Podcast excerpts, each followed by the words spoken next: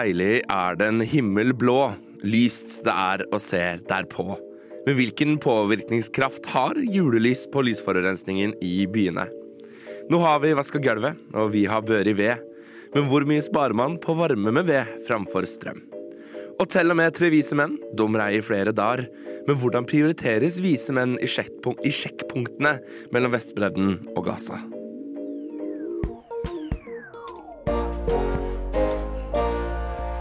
Dra krakken bortåt glasset, så setter vi oss og ser, og kanskje skru på radioen for opplysningen 99,3. Ja, de er der. Det er litt sånn nødring på slutten der. Hjertelig god fredagsmorgen, og hjertelig velkommen til Opplysningen 99,3. Den aller siste utgaven i 2022. Sander Zakaria heter jeg, og sammen med resten av opplysningens små nisser og reinsdyr skal jeg lose deg gjennom den neste timen her på kanalen. Og du merker kanskje at denne sendingen har startet på et litt uordinært vis. Og denne sendingen ja, den er på alle måter ekstraordinært. Vi skal gjennom den neste timen her på kanalen se litt tilbake på 2022 og snakke litt om noen av de sakene som har preget året. Og det gjør vi med brask og bram og et av journalister. Og vi starter uh, rett på og hardt uh, ut fra start med Frida Kristine Mogård, Alexander Klyve Gudbrandsen og Lise Benus. God morgen, dere tre. God, God morgen.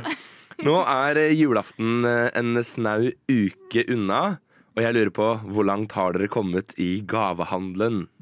Jeg går litt sånn panisk rundt i dag, for jeg har ikke en eneste julegave. så også verste er jo det at ikke bare må jeg kjøpe julegaver, men jeg har jo blant annet for eksempel en lillesøster som har bursdag 1. januar, og en storesøster som har 8. januar. Ja. Så jeg må kjøpe dobbelt opp til halvparten av familien min. Ja, det, det syns jeg familien din kunne planlagt bedre. Ja, men jeg syns det er bra at det er separate gaver. Det er ikke sånn 'Å, du har bursdag så nærmest, du får bare én større gave'. Nei, jeg, føler, jeg føler det er for langt unna. Ja. For hvis du har bursdag 24. desember, da kan jeg skjønne at du får liksom samme gave. Ja, ja. Men det er 1. januar, så det er liksom over en uke etterpå. Ja, det er akkurat det. Ja. Du da, Aleksander, hvordan ligger du an med julegavehandlinga? Um, jeg har ikke kjøpt noen ennå, men, men det ordner seg vel litt i hvert. Ja, for, du, for du, kom, du, kommer nå Når er det du flyr ut? Er du en av de, de tre mennene som handler julegaver på julaften? Um, kanskje lille julaften mer. Du da, Frida, hvor fylt er det i nissesekken din om dagen? Jeg skal jo meddele at um, jeg skal ikke bli i Oslo i jul. Jeg har uh, eh, 22-23 kilo, hva det er, grense med Norwegian som, som, jeg ikke må på en måte overtre. Og så har jeg litt gaver fra familie som jeg må ta med opp. Og, så det er liksom, jeg, jeg, jeg er ganske, kommet ganske langt i handlinga. Men jeg måtte tenke lenge på hva jeg skal kjøpe, fordi at jeg må kjøpe veldig små ting. Eller tenke sånn OK, her, jeg, vet at de har det her oppe på Kix i Tromsø, f.eks., så da venter jeg med å kjøpe den der, eller noe sånt. Så det, det har vært litt uh, mentalt. Eh, Jippi, tante Frida, frimerker i år, altså! Yay! Vi skal i løpet av den neste timen her på kanalen dekke noen av de største hendelsene i 2022. Og straks så skal vi til kanskje den største hendelsen i år, som rystet en hel verden i slutten av februar. Men før det så sparker vi i gang fredagen med litt deilig Radio Nova-musikk. Vi skal til kongefamilien. Og er det for mye å be om? What did I think when Maduro took power? Well, he's a clown. Finne et litt mer, litt mer nyansert språk der. Jeg tror vi bare skal forstå det sånn at dette dreier seg om teknologi. Du hører på Radio Novas samfunns- og aktualitetsmagasin Opplysningen. Hver fredag fra 10 til 11 på Radio Nova. Hvor vi i dag oppsummerer de største hendelsene i 2022. Og vi begynner med årets største sak på mange måter. Den 24. februar 2022 trådte russiske soldater over grensen til Ukraina. Ukraina-krigen har på mange måter preget nyhetsåret 2022. Og inn her i studio, Alexander Klyve Gudbrandsen. Først, Alexander, hvis vi skal gå tilbake til februar. Hva skjedde i krigens begynnelse? Det begynte jo, som du sier, den 24. februar, grytidlig på morgenen. Da eh, etter at russiske tropper hadde stått langs store deler av Ukrainas grense, både, både grensa mot eh, fra Russland og fra Belarus, så gikk det tropper over inn i Ukraina. Samtidig som Russland utførte luftangrep over hele landet, mer eller mindre. Og eh, de åpna da frontavsnitt både i sør, i øst og i nord. Og i nord var det for å ta hovedstaden Kyiv. Men altså, dette er jo den første virkelig storkrigen vi ser på det europeiske kontinent siden andre verdenskrig. Hvilke grunner har Russland, eller ga Russland da for invasjonen av Ukraina?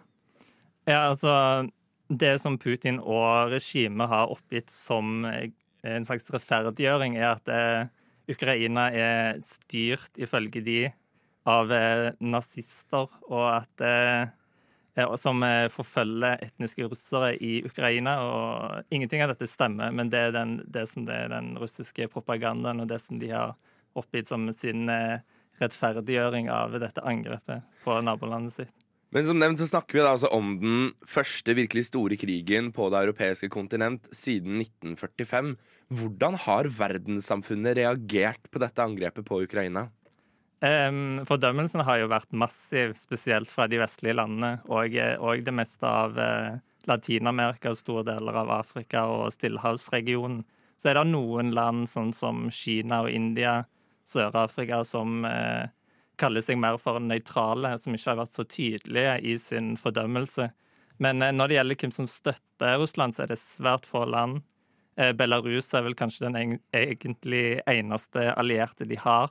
Så er det noen få land sånn som Nord-Korea og Syria som er veldig autoritære diktaturer som òg har gitt eksplisitt støtte til Russland. Men eh, støtten til denne krigen er veldig, veldig liten. Men krigen har jo pågått nå i over et uh, halvt år på det europeiske kontinent. Det er uh, mange av nabolandene til Ukraina som er Nato-land. Men hvorfor har ikke Nato involvert seg i denne konflikten? Eh, NATO, eh, Ukraina er jo ikke medlem av eh, Nato, så det her kollektive forsvaret det gjelder jo ikke for Ukraina. Så det at Ukraina har blitt angrepet, det utløser ikke den såkalte artikkel 5 i Nato-traktaten om at et angrep på ett medlemsland er et angrep på alle. Og Nato søker òg å unngå en direkte konfrontasjon med Russland, fordi det vil kunne bety en veldig stor eskalering av denne krigen. Så man søker å holde krigen begrensa innenfor Ukraina sine grenser. Men uh, dette startet i februar uh, 2024. Flyalarmen gikk flere steder i uh, Ukraina. Hva skjer i Ukraina nå? Akkurat nå så står frontlinjene ganske stille. Ukraina har jo greid å gjenerobre veldig mye av det som Russland tok i begynnelsen. Bl.a. hele Nord-Ukraina, hele området rundt Kharkiv, hele Kherson fylke vest for elva Dnipro. Men akkurat nå så er det lite bevegelse på frontlinjene. Der er en harde kamper noen steder, f.eks. i en by som heter Bakhmut, som ligger i Donetsk-regionen. Og, det, og Russland fortsetter også med luftangrepene sine for å ødelegge infrastruktur, i Ukraina. For å ta fra ukrainerne strøm og varme og vann. Og Ukraina prøver jo så godt de kan å, å bevare og gjenopprette og gjenoppbygge den infrastrukturen så snart russerne ødelegger den. Så det, mange er spent på hva som vil skje nå over vinteren, om det blir noen ny offensiv i løpet av vintermånedene fra en eller begge partene, eller om krigen vil stå stille fram til våren uten tvil en sak som vi kommer til å høre mer om etter hvert som 2023 også entrer eh, kalenderen. Tusen takk, Alexander Klyve Gudbrandsen. Straks her på Radio Nova skal vi til eh, Roe We Wade. For hvorfor ble egentlig denne abortloven fjernet i starten av året? Vi skal dit etter Blomst. I want to talk about for me is the deeper meaning of Christmas because it's not about presents or turkey or brandy butter much though I like all of that kind of stuff. It's about Opplysningen på Radio Nova. Hvor vi oppsummerer de største hendelsene i 2022. Og den 24. juni i år ble enden for Roe v. Wade i USA. Saken fra 1973 har vært viktig for legalisering av abort i landet. Og med oss i studio, Frida Kristine Mogård. Frida, først, hva er Roe v. Wade? Som du sier, så var jo det den loven som eh, i praksis legaliserte abort for alle i USA. Og den eh, loven den kom også til plass i 1973, som du også nevnte, da en eh, angivelig voldtatt kvinne med navn Norma Lee McCorvey eh, som fikk pseudonymet eh, Jane Roe, var det vel. Eh, hun gikk til ankesak i Texas fordi eh, Hun gikk til rettssak i delstaten da fordi hun ble nekta å ta abort. Uh, og dette førte til at Roe v. Wade gikk gjennom, og at uh, abort ble legalisert i hele USA. Som du sier, altså helt utrolig viktig lovgivning. Den er over 50 år gammel.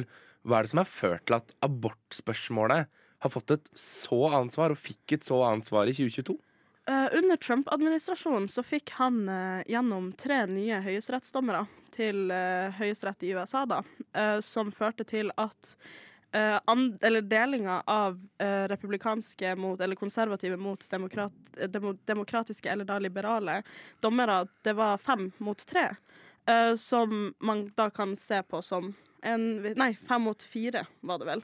Som man da kan se på som en eh, ganske stor skjevfordeling i eh, i dette, og i tillegg så har jo denne debatten om pro-life mot pro-choice i USA blitt veldig mye større. Internett har blussa den veldig opp, det har blitt et veldig sentralt tema. Og det har da gjort at tematikken har blitt lettere å skyve over mot nei-sida da, fra de konservative, og at de så en mulighet til å avskaffe den. For eh, som man så eh, i avskaffelsen, så var alle stemmene mot eh, Roe v. Wade, det var konservative dommere, eller dommere som var innsatt av konservative presidenter. Mens um, ja, det, det var kun én av de konservative dommerne som ikke uh, stemte mot det, da. Men denne endringen kom jo da altså i uh, slutten av juni i år. Hvilke konsekvenser har dette hatt for abortrettigheter i USA? Altså, det skaper jo veldig stor redsel. Det gjør det jo absolutt. Fordi at nå som loven er fjerna, så blir det opp til eh, hver enkelt delstat eh, hvordan de velger å forholde seg til abortlovgivning. Det er ikke lenger en universell lov i hele USA som tilsier eh, hva som er rett, eller, eller hva som er loven, da. Så man kan bestemme det sjøl. Så da er det jo gjerne sånn at røde stater gjerne lener seg en vei, mens blå stater kanskje lener seg en annen vei. Og det skaper mye usikkerhet. Man vet kanskje ikke helt hva rettighetene er, på samme måte som man hadde før, men sikkerheten ved Roe v. Wade. Det, på internett så har det skapt store reaksjoner, fordi at det er jo den risikoen med at man kan føle sånn, Man har ikke et valg lenger, og at valget blir borte. Det skaper kjempestor splittelse. Fordi selv om på en måte selve Roe v. Wade er borte, så er, fjernes jo ikke konseptet av abort totalt heller. Fordi at det er jo flere delstater som fortsatt velger å ha de tilbudene til uke 12, uke 15, hva enn det skulle være. Mens det er fortsatt store reaksjoner fra pro-life-sida på det. Dette maler jo et eh, mye mørkere bilde av USA, et land hvor eh, abort nå blir vanskeligere for kvinner å oppnå i enkelte delstater. Hvilke håp ser vi i fremtiden for kvinners rettigheter i hele USA? Altså, aller først vil jeg trekke fram det at historisk sett og fortsatt så ser man jo et mønster med at folk gjerne tar etter USA. Så en, et håp er jo, sånn generelt for verden, er jo det at ikke flere havner i det her mønsteret, da. Eh, sånn for hele verden. Men for USA så håper man jo at at man har den rettigheten som man da hadde i 49 år før den ble avskaffa nå i sommer. Og man håper jo at det her skal vedvare, og at, eller at de statene som velger å holde det på, på en måte kanskje står på sitt, og at de ikke reduserer det på samme måte som man har sett andre steder. Fordi det er mye redsel, og det har vært det. Og som kvinne så blør hjertet mitt for, for de amerikanske kvinnene. Frida Kristine Mogård, tusen takk for at du eh, kunne komme innom og svare på dette. Straks her i opplysningen til en hendelse som fant sted bare noen timer etter endringen av Roe v. Wade, og som rystet hele Norge etter eh, musikk.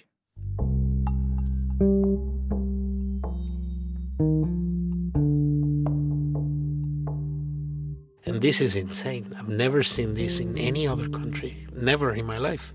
People eating from the trash, fighting about it. Eh, Når så mange er ensomme, så ligger jo på en måte ikke dette på, på individet lenger. Det ligger på systemet. Vi er i ferd med å ødelegge evnen vår eh, permanent kognitivt i hjernen til å konsentrere oss over lengre tid. Radio Novas samfunns- og aktualitetsmagasin gir deg historiene, sakene og debattene andre overser. Aldri redd, alltid balansert. Opplysningen 99,3. Den 25. juni så våknet mange av oss nordmenn til forferdelige nyhetsmeldinger om nattens hendelser. Skytingen ved London pub og Per på hjørnet sentralt i Oslo skapte bred frykt i LHBTIQ pluss-miljøet og førte til at Pride-paraden som egentlig skulle gått den dagen, ble avlyst. I studio Lise Benus og Frida Kristine Mogård. Først av alt, hva var det egentlig som skjedde i Oslo sentrum natt til 25. juni? Eh, da var det eh, til å begynne med god stemning. Eh, folk var ute og feiret. Det var midt i pride-måneden. Det var pride-helgen. Det var liksom høydepunktet av hele feiringen eller protesten, hva du enn har lyst til å kalle det. Og så kommer det en mann.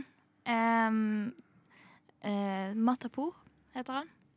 Og angivelig da skyter mot blant annet da Per på hjørnet og London.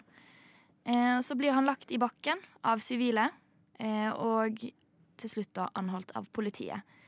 Da resulterte det da i at to personer døde, eh, og at minst 21 ble skadet. Og at veldig mange kommer til å gå resten av livet med mentale og psykiske skader. De to som ble, eh, ble drept, det var vel de to, som, eller to av dem som satt ute utfor med Per på hjørnet. Eh, for det var der han begynte å avfyre skuddene, eller angivelig da. Og så, eh, før han da gikk videre til London pub og eh, skøyt inn gjennom vinduene, hvis jeg ikke tar helt feil der. Og det var der man så de skada. Og man har jo hørt eh, hørt intervjuer og lest saker om sivile som var til stede, både på puben, noen av dem som bidro til å holde, holde da gjerningsmannen nede. Og det, det er sterke inntrykk, altså. Det, det, og det er veldig nært. Så det, det treffer, for å si det sånn. Dette har jo i etterkant blitt sett på som et angrep mot det skeive miljøet her i Norge. Hvorfor det? Det har jo, eh, som sagt, var jo angrepet under selve Pride Month.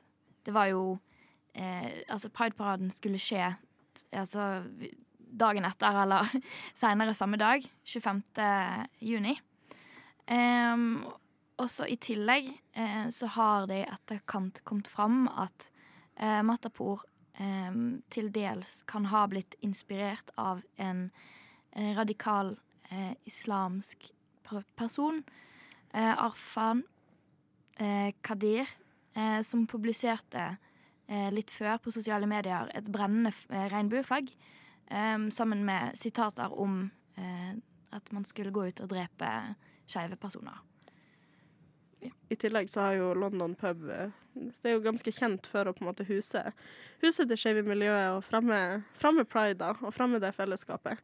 Så man kan Det er veldig lett å tenke seg at det her var på en måte en målretta hat, rett og slett målretta hatkriminalitet. da.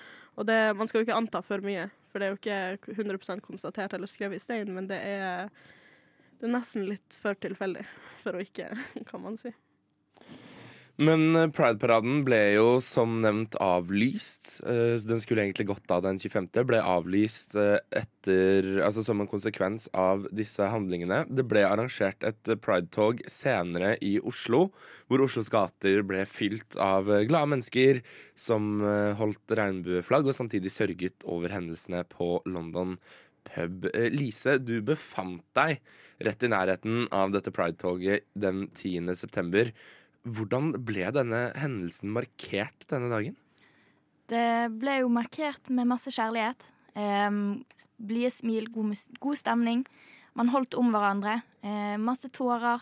Eh, det var veldig sterkt å se på. Eh, for personlig var jeg på jobb, så kunne jeg ikke delta. Eh, men det var utrolig sterkt, og det som jeg syntes var det sterkeste av det alle, var hvor langt det toget var. Hvor mange som deltok. Hvor mange forskjellige ansikter og personligheter som var med. Det var utrolig gripende å se på. Det var det. Politiet gikk ut med ønsker om å potensielt avlyse hele, hele opplegget, eller i hvert fall utsette det som de endte med å gjøre, men det fikk jo også reaksjoner fordi at sånn, hvorfor skal man gjemme seg når noe sånt skjer? Hvorfor skal man ikke på en måte fremme det fellesskapet og på en måte trøste hverandre og være, være, være der for, for hverandre? Og det gikk jo på hele landet, ikke bare Oslo heller. Og det, det er veldig sterkt å se at, faktisk, at man faktisk samla seg, da, og at man hadde det her fellesskapet til tross for veldig vanskelige, vanskelige tider de sommeren før.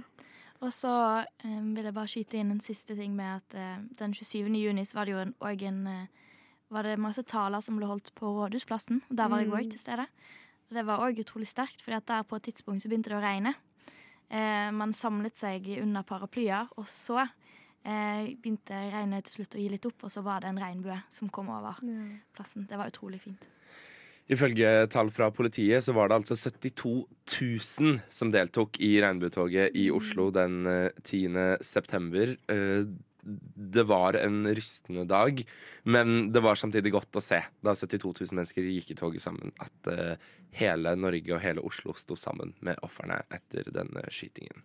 Straks til en hendelse som traff rett før det nye Pride-toget ble eh, avholdt. Den 8. september døde dronning Elisabeth. Det kommer vi tilbake til etter litt musikk. Perhaps you would like a marmalade sandwich. I always keep one for emergencies. So do I. I keep mine in here. Opplysningen. Perfekt til syltetøysmørbrødet. Klokka 18.30 den 8. desember fikk det britiske folk denne meldingen. A few moments ago, Buckingham Palace announced the death of Her Majesty Queen Elizabeth II. The palace has just issued uh, this statement. It says the Queen died peacefully at Balmoral this afternoon. Og eh, dronning Elisabeth den andre, Storbritannias lengstsittende monark og en viktig figur for hele samveldet, gikk altså bort 96 år gammel. Med oss i studio Alexander Klyve Gudbrandsen, Lise Mari Skogan Benus og Frida Kristine Mogård. Vi kan snakke lenge om Elisabeth 2. og hennes liv, men hvis vi kort skal oppsummere, hva har nå avdøde dronning Elisabeth betydd for Storbritannia og samveldelandene? Ja, hun har jo selvfølgelig ikke hatt noen formell makt, men jeg tror nok det er trygt å si at hun, at hun har vært et veldig sterkt eh, symbol for Storbritannia. At hun har vært et uh, samlende symbol for hele dette mangfoldige eh, riket. Og eh, hun har jo vært en veldig populær figur. Så hun har, har, nok betydd en positiv effekt både for monarkiet og for at alle de forskjellige delene av Storbritannia skal føle seg hjemme der.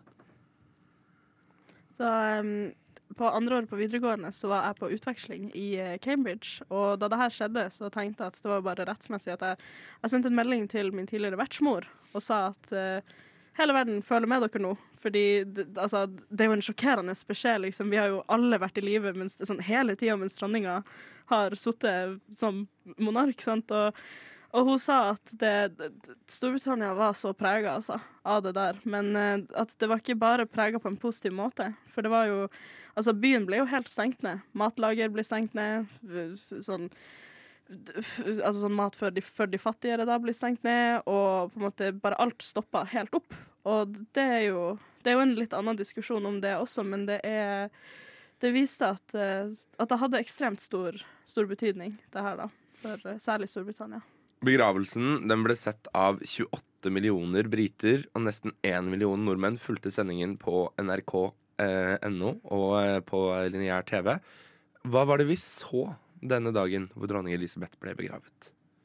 Vi så blant annet at det var Var det ikke noe sånn som en million mennesker som eh, sto oppstilt langs Londons eh, gater og fulgte denne prosesjonen? Hun ble jo begravd i Westminster Abbey som den første monarken noensinne, hvis jeg ikke tar feil.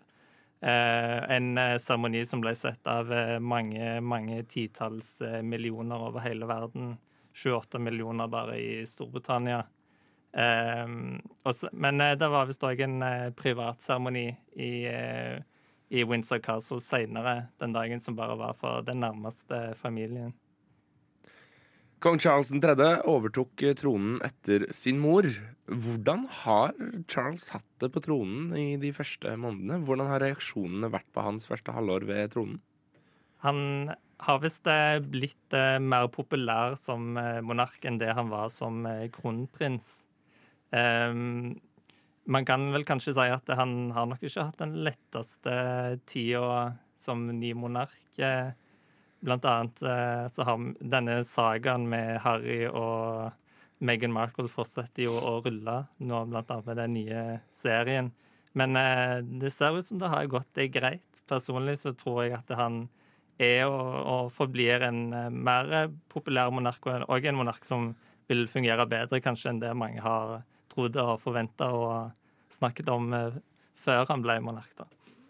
Så hadde man jo Det kunne man jo se helt i starten. Eh, forskjell mellom de to eh, monarkene. Fordi eh, Eller det var mange som påpekte det. Fordi eh, det kom ut to eh, videoer som gikk ganske viralt. Der kong Charles skulle signere.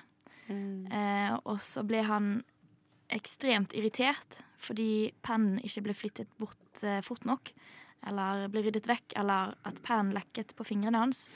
Eh, men så må man jo òg tenke på at han nettopp mest moren sin, og mest sannsynlig ikke hadde sovet i dagevis. Eh, men det var eh, mange som påpekte forskjellen mellom eh, han og eh, dronning Elisabeth ved at hun eh, så, så, så å si aldri tråkket i salaten på den måten. Altså, når man tenker på det britiske kongehuset, så er det jo veldig mye intriger, dramatikk og tidligere historie der som naturligvis spiller inn på inntrykk og alt sånt. Så jeg tenker at å, å se på det litt sånn med tilbakeblikk at nå har det jo gått ja, nesten et halvt år snart, og det viser jo at man har blitt varma opp til han, men det er jo av all den historien med Diana og Harry og Meghan og alt det, og Camilla og alt sånt som har, bare, som har skapt liksom splittelse. Men målet og, og håpet er jo at de forenes, og, og det viser, viser, jo at på en måte inntrykket av, av Charles har blitt bedre. Og tiden vil jo bare vise hvor, hvor bra det kan bli, kan man si. Uh, altså, dødsfallet Dette ble jo hyppig dekket uh, i medier over hele verden. Men den avdøde dronningen har også høstet uh, kritikk, og det var mange som tok til sosiale medier og rettet kritikk mot dronningen og det britiske kongehuset i etterkant av hennes dødsfall. Hva har denne kritikken handlet om? Det har handla om den rollen som de mener dronninga spilte under den britiske kolonitida. Fordi hun var jo dronning mens Storbritannia fortsatt var e- et eh, stort eh, imperium. Og eh, mange av de landene som var kolonier når hun ble dronning, og som siden har blitt egne land, er det mange som er veldig kritiske til den innflytelsen og det, de konsekvensene som det britiske styret har hatt for de. Så de er vel kanskje ikke helt De er vel kanskje kritiske da, til hva rolle hun har spilt oppi det her. Men eh, ja, man kan jo spørre hvor mye Hun har jo ikke hatt så mye formell makt heller, da. Tusen takk, Alexander Klive Gudbrandsen, Lise Benus, Frida Kristine Mogård. Straks her på Opplysningen til altså, et av Norges største justismord, som i går ble et faktum. Vi skal dit etter musikk fra Evig ferie. Du lytter til Radio Novas samfunns- og aktualitetsmagasin Opplysningen. Opplysningen hver fredag mellom klokken 10 og 11 på Radio Nova.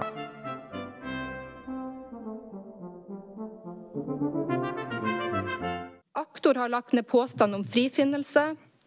Påstanden tas til følge. Etter dette frifinnes Viggo Kristiansen for forholdene i tiltalebeslutningen post 1 til 3, Baneheia-saken. I går ble, alt, ble, det altså klart. Viggo Kristiansen ble frikjent for forholdene i Baneheia mai 2001, og et av Norges største justismord er nå et faktum. Med oss i studio Emilia Haaland Johansen og Runa Årskog, velkommen. Takk. Tusen takk. La oss først spole litt tilbake her. Hva var det egentlig som skjedde i Baneheia 19. mai 2000? Den gang da så var det to jenter som ble drept og voldtatt. Uh, og det var da Jan Helge Andersen og Viggo Kristiansen som ble dømt for de, denne handlingen. Uh, og så har vi jo da stilt spørsmålstegn i senere tid på om det var riktig domfellelse eller ikke. Ja, fordi at det er jo 21 år siden dommen falt, og begge ble dømt. Nå er Viggo Kristiansen frikjent. Hva er det som gjør den saken annerledes i dag enn det den var i 2000-2001? Først og fremst så er det jo de krimtekniske bevisene når det kommer til DNA. Eh, for den gang da så fastslo man at DNA-ene som var på kroppen til de to jentene, det måtte stamme fra to menn, og det var to gjerningsmenn. I tillegg til det så har du da Andersens forklaring, som gikk på at eh, Jan Helge Andersen og Viggo Kristiansen sammen begikk overgrepene og også drepte de to jentene. Men i dag så ser vi litt annerledes på det, fordi eh, av to hovedgrunner egentlig. Og den første er den at uh, i dag så er det mye strengere med DNA-bevis. DNA-bevis før var på det man sa, kalte for 14 komponenter, mens i dag så må det være 27 komponenter. Uh, og hva det er, handler om er veldig teknisk, men det vil bare si at i dag så gjør vi det mye er vi mye strengere på å si at dette DNA-et tilhører deg, osv. Og akkurat det DNA-beviset her er at de har funnet et DNA-bevis av en mann, og så har de funnet ut at det ikke stemmer med Jan Helge Andersen, eh, og så fant de ut at det stemmer med Viggo Kristiansen. Problemet er bare det at akkurat dette DNA-beviset stemmer med 54% av alle menn i Norge, og at vi ikke kan si med sikkerhet at det faktisk stammer fra overgrepsmateriale. Det kan f.eks. være hud eller hår eller andre DNA-bevis som kan ha kommet på en av jentene av enten krimteknikere, politi, noen som har funnet dem på åstedet, eh, obduksjonen etterpå, man vet ikke. DNA-beviset har jo, eh, når saken nå har vært oppe for Borgarting eh, lagmannsrett denne uka, vært eh, et av hovedmomentene, eller et av fokusmomentene. Men hvilke andre momenter har det vært fokus på i den saken som har gått nå, da? Det har vært dette beviset med mobiltelefoner og da telekommunikasjonen. Fordi eh, det som la til grunn, var at eh, Andersen forklarte seg med at Viggo Kristiansen hadde vært til stede, eh, og at de hadde tekstet og kommunisert over mobiltelefon, og at Viggo Kristiansen hadde brukt mobiltelefonen osv.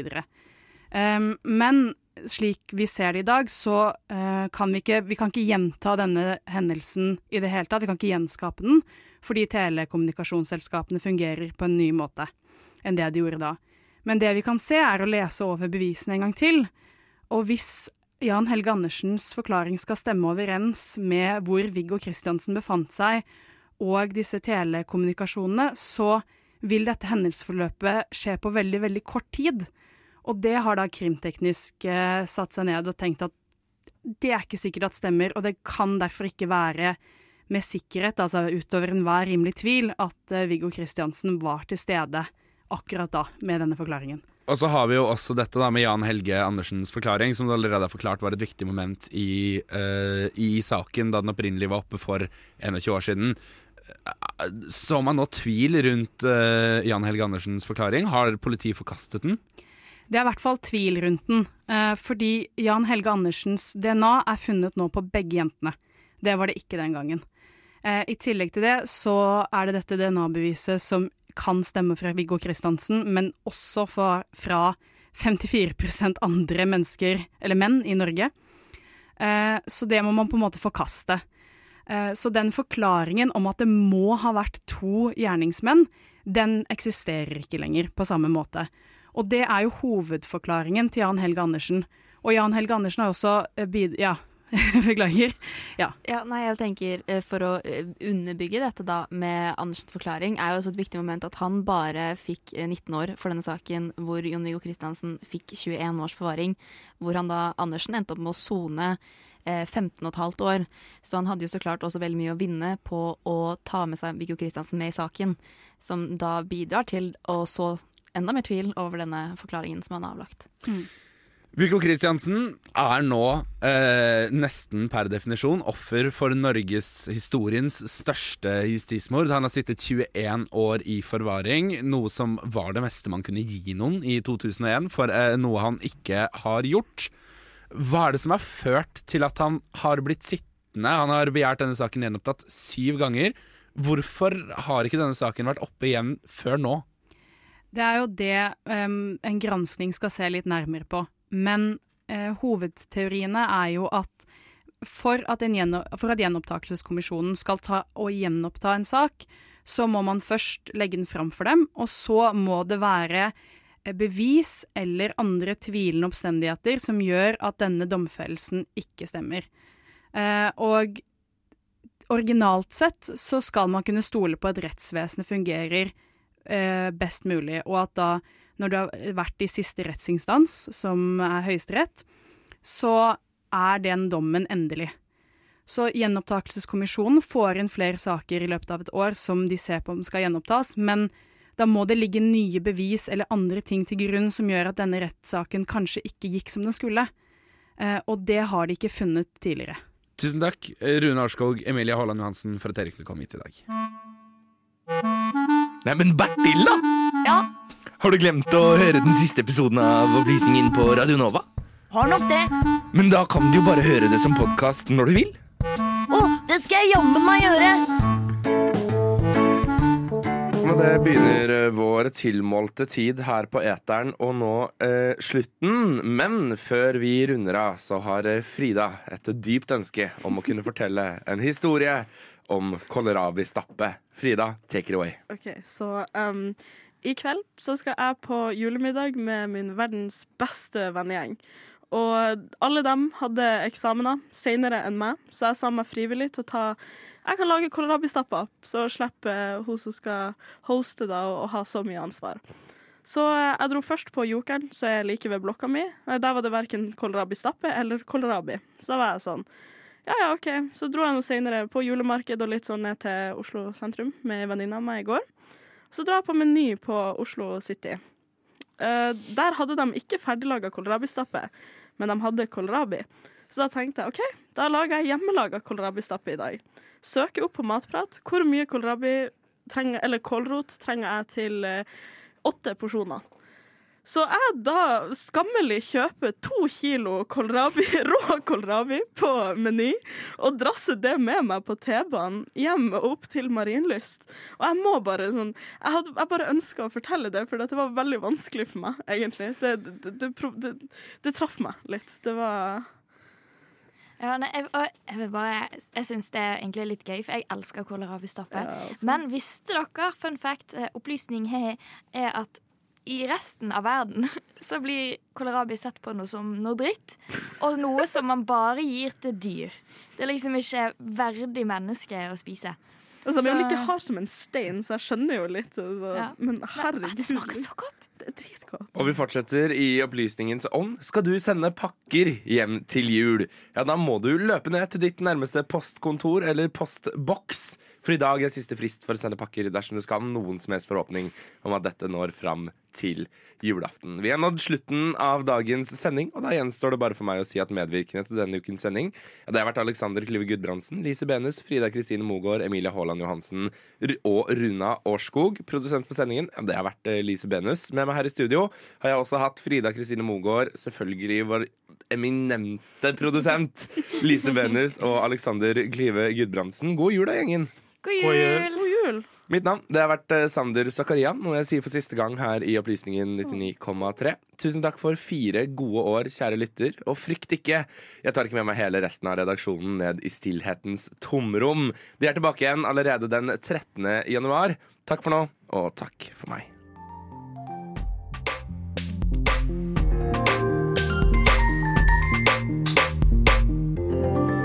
Du har hørt på en Radio Nova-podkast. Du finner flere podkaster i din foretrukne podkastavspiller eller på vår hjemmeside radionova.no.